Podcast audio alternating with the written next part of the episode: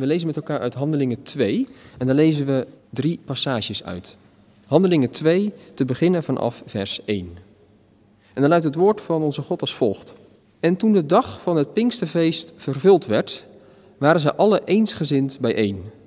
En plotseling kwam er uit de hemel een geluid als van een geweldige windvlaag en vervulde heel het huis waar zij zaten.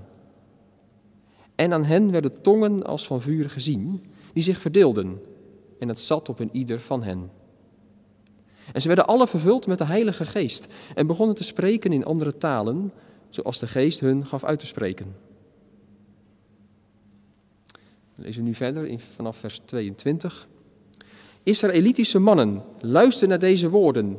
Jezus de Nazarener, een man die u van Gods wegen aangewezen is door krachten, wonderen en tekenen, die God in uw midden door hem gedaan heeft, zoals u zelf ook weet.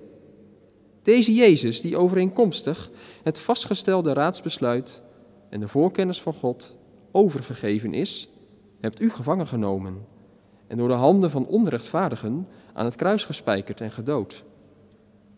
God heeft hem echter doen opstaan door de weeën van de dood te ontbinden, omdat het niet mogelijk was dat hij daardoor vastgehouden zou worden. We lezen nu verder in vers 32. Deze Jezus heeft God doen opstaan, waarvan wij allen getuigen zijn. Hij dan, die door de rechterhand van God verhoogd is en de belofte van de Heilige Geest ontvangen heeft van de Vader, heeft dit uitgestort, wat u nu ziet en hoort.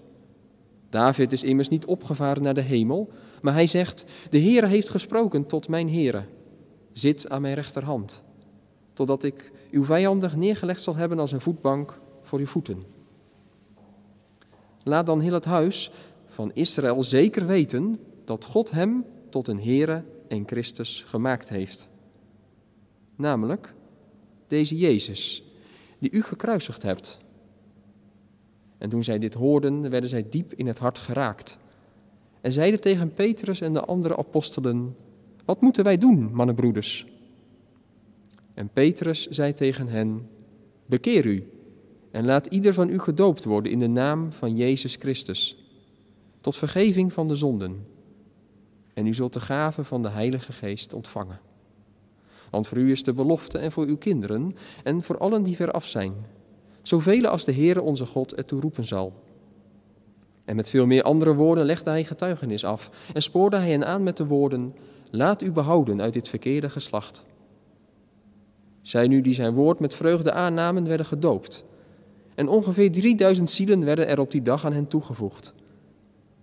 En zij volharden in de leer van de apostelen en in de gemeenschap, in het breken van het brood en in de gebeden. Zou je dat wel nou zo doen, Petrus? Je weet toch, als je je gehoor vast wilt houden, moet je met een pakkende intro beginnen. Een beeld dat bijblijft. Een goede quote of een actueel verhaal. Dat doe jij helemaal niet. En je weet toch ook, de mensen hebben in deze tijden behoefte aan bemoediging.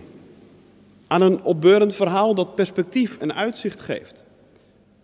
Maar daar lijkt jij je helemaal niet druk om te maken. Integendeel. Je zoekt de confrontatie en je gaat er haast met gestrekt been in. Dat is toch het domste wat je doen kunt. Ja, gemeente van Christus, die eerste Pinksterpreek, waar we een heel stuk uit gehoord hebben net, dat is toch wel een verhaal apart. Wij weten zeker sinds de laatste maanden weer heel goed hoe belangrijk het is dat je een boodschap voor het volk goed verpakt. En dat gaat niet snel goed. Eén enkel onhandig gekozen woord kan al meteen een heel eigen leven gaan leiden en veel verwarring veroorzaken. En zeg je dingen te streng, dan voelt iedereen zich klemgezet. En zeg je het te lief, dan nemen ze je niet serieus. Communicatiestrategen kunnen je daar alles over vertellen. Maar ze zullen je niet snel adviseren om je hoorders vanaf zin 1 in het beklaagde bankje te zetten. Jullie hebben Jezus gekruisigd. Je verhaal vol te stoppen met verwijzingen naar oude profetieën en ingewikkelde psalmen.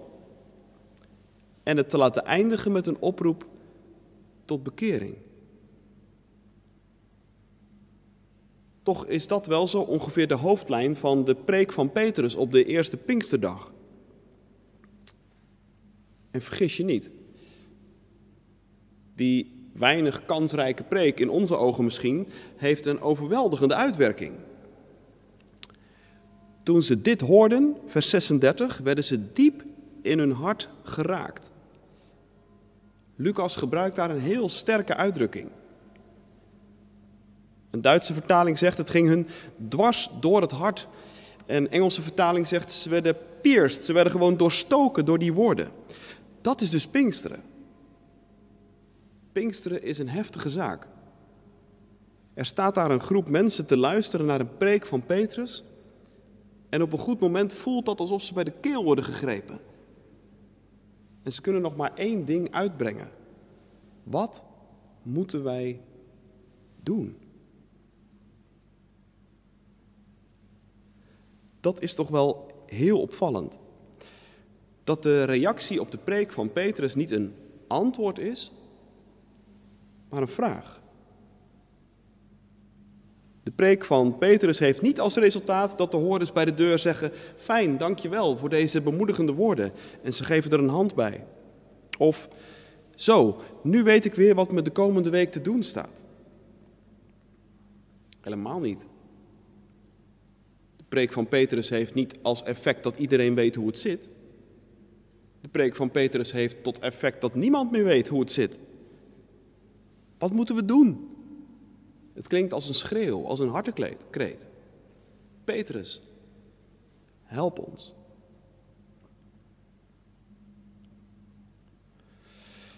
Ja, dat is dus ook wat een preek met ons wil doen.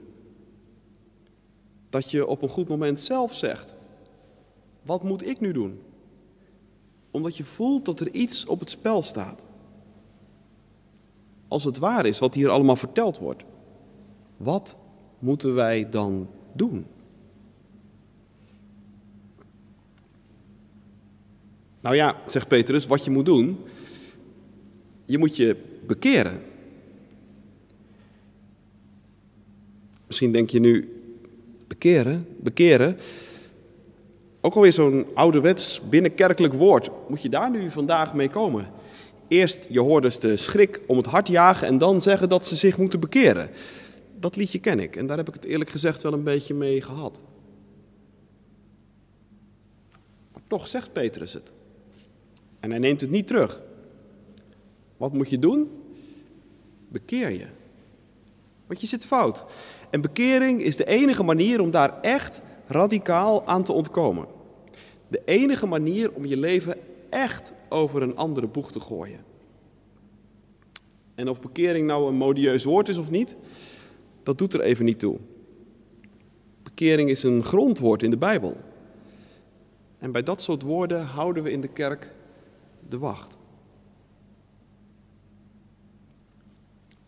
Trouwens, bekering, kerkelijk jargon, taal voor ingewijden, voor de ervaring van een handjevol gekwelde zielen. Ik geloof daar eigenlijk niks van. Weet je, als het erop aankomt, is bekering een woord dat wij allemaal heel goed aanvoelen en begrijpen. Een woord als bekering raakt aan de diepste lagen van ons mens zijn. Het raakt die ervaring die jullie allemaal kennen aan. Dat het ten diepste gewoon niet gaat. Dat wij God en onszelf en elkaar steeds weer zo ongelooflijk in de weg zitten. Bekering, dat is ook een woord waarbij je kunt opveren en denken: ja, eindelijk, iemand die mij begrijpt, iemand die weet hoe het zit. En er komt ook nog dit bij. Bekering is een geweldig bevrijdend woord. Bekering betekent namelijk, het kan ook anders.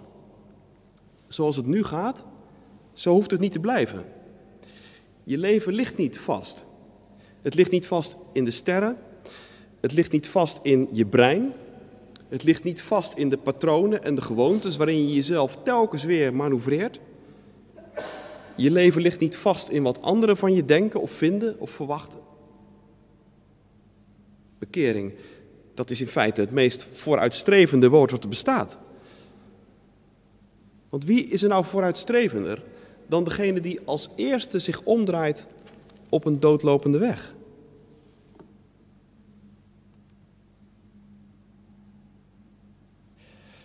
Daar gaat het dus over in de preek van Petrus, over het lopen op een doodlopende weg. En welke doodlopende weg dat precies is, dat maakt Petrus in zijn verhaal heel duidelijk. Het gaat, zegt hij, om beelden en ideeën die je kunt hebben over God. En die heel hardnekkig zijn en die ook grote gevolgen hebben, maar die gewoon niet blijken te kloppen. En die beelden, zegt Petrus tegen zijn eerste hoorders, die hebben alles met Jezus te maken. Jullie hebben je, zegt hij, in Jezus vergist. Jullie kennen hem allemaal.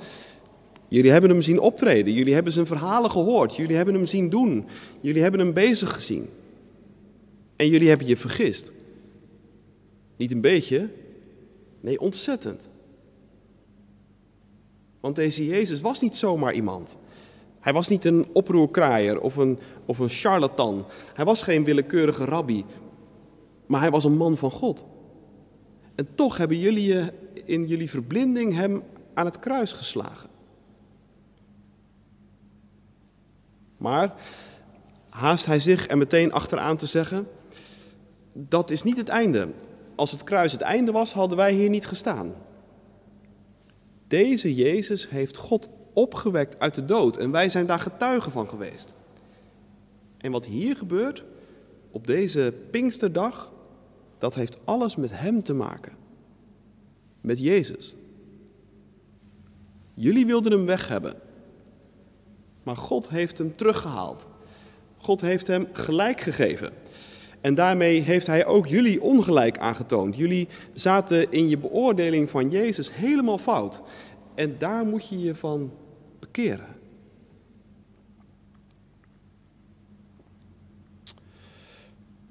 Nu, je merkt, bekering heeft alles te maken met het herstel van verhoudingen en van relaties. Met dingen in een ander perspectief gaan zien.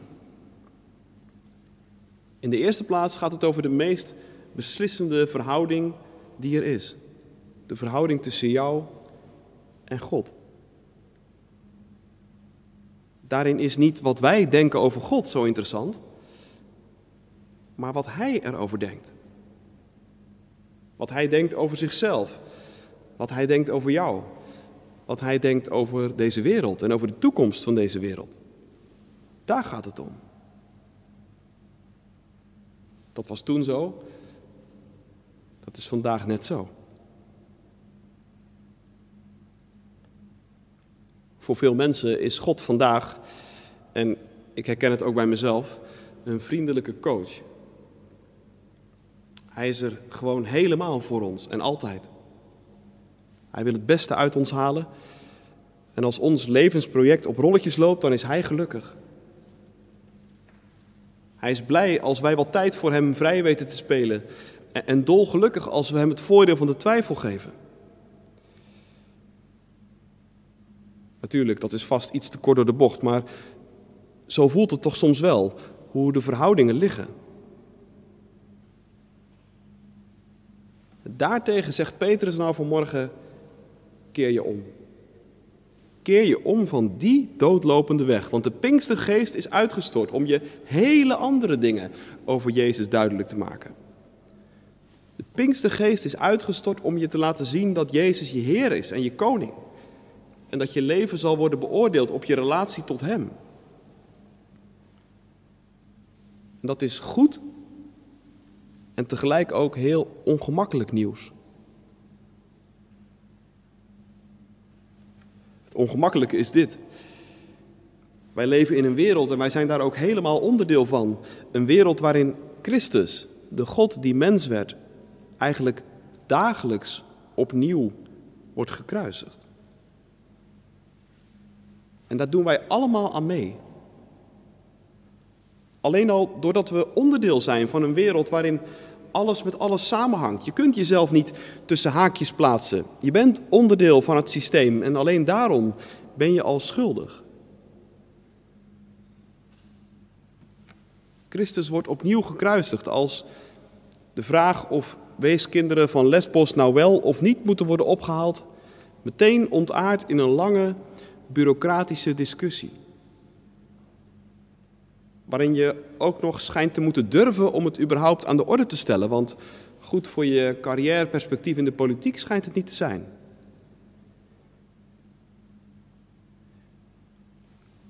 En Christus wordt opnieuw gekruisigd door de verrader in mij en in jou, die comfort en gemak zo belangrijk vindt dat de toewijding aan Hem onder druk staat. De verrader in mij en in jou, die het liefst een vlak en gemakkelijk geloof wil zonder moeilijkheden. En al capituleert voor er gevochten is.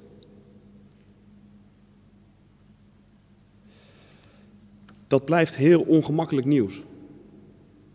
Daar kun je heel lang ook ver weg van blijven kijken. Tot het moment dat je merkt, het lukt me niet meer. Er zit nog maar één ding op. Ik moet me bekeren.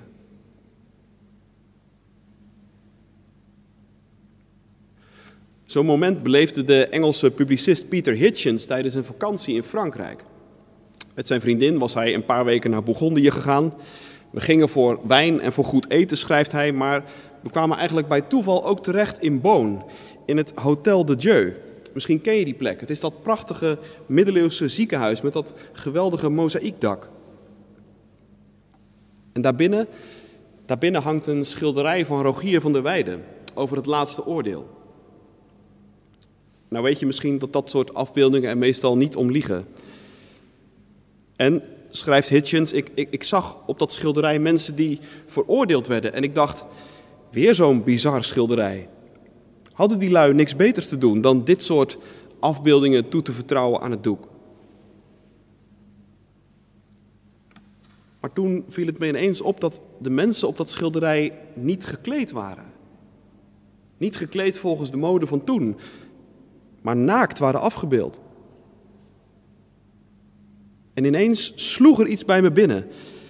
Ik dacht, dit kan dus iedereen zijn. En dit gaat over mij. Ik was helemaal niet in trance. Ik was, er was geen stem, er was geen lichtflits, het, het was geen mystieke ervaring. Sterker nog, ik was in die tijd atheïst, schrijft hij. Ik geloofde totaal niet in dat soort dingen.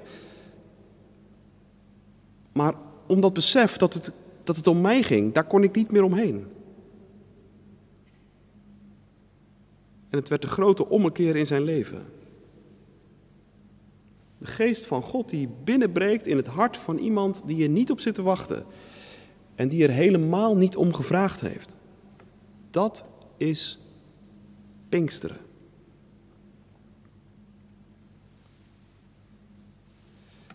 Ja, en dan zitten we meteen ook midden in het goede nieuws. En hoe?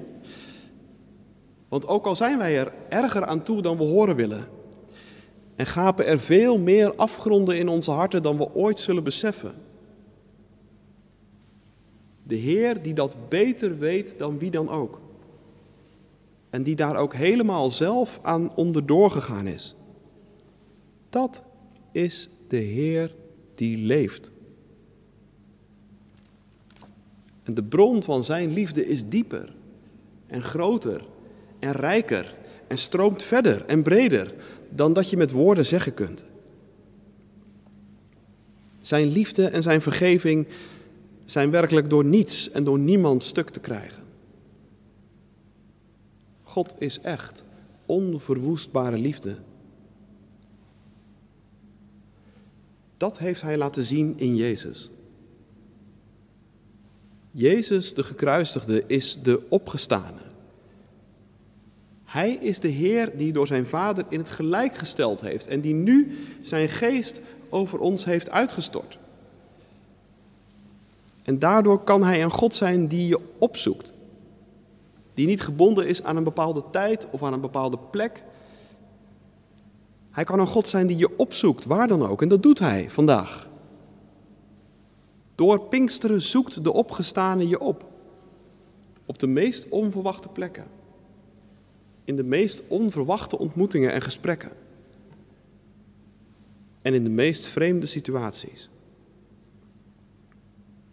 Op de meest onverwachte en ongedachte momenten breekt hij bij je binnen en zegt hij: Hier ben ik. Ik leef en ik wil maar één ding: dat jij ook leeft. Keer je om. Laat je dopen. Ontvang vergeving. En leef vol van de Heilige Geest.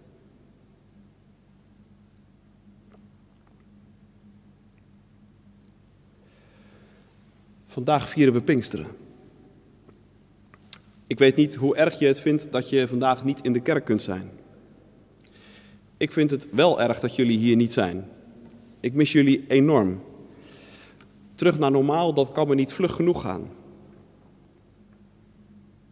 Maar toch trekt Petrus aan de rem vanmorgen. Want Pinksteren gaat niet over terug naar ons normaal. Alsof ons normaal het ideaal zou zijn. Nee, Pinksteren gaat over Gods plannen en Gods ambities. En die liggen veel verder dan ons normaal en naar een terugkeer naar welk normaal dan ook. Mijn plannen zijn niet jullie plannen, zegt God al tegen Jezaja. En mijn wegen zijn niet jullie wegen. Zo hoog de hemel is boven de aarde, zo ver gaan mijn wegen boven jullie wegen uit. En mijn plannen boven jullie plannen uit. Geen terugkeer naar normaal dus, Pinksteren, maar een weg vooruit. Dat is Pinksteren. En op die weg is bekering een codewoord. Die weg vraagt om bekering, elke dag weer opnieuw. Reken erop dat het een weg is waarop je steeds meer tegen zult komen in jezelf en in deze wereld waarvan je denkt, dit moet echt nog afsterven, dit kan niet mee, zo het koninkrijk van God in. Maar geloof net zo hartstochtelijk dat het een weg is waarop je zult opstaan, elke keer weer. Een weg waarin de geest van God voorop gaat en ruim baan maakt voor je. En je iedere keer weer opraapt als je struikelt. Iedere keer weer wakker kust als je in slaap valt. Iedere keer weer aanvuurt als je achterraakt. Want hoe dan ook, het gaat zijn toekomst tegemoet. Kom, geest van God, vernieuw mijn leven, vernieuw uw kerk en herschep uw wereld.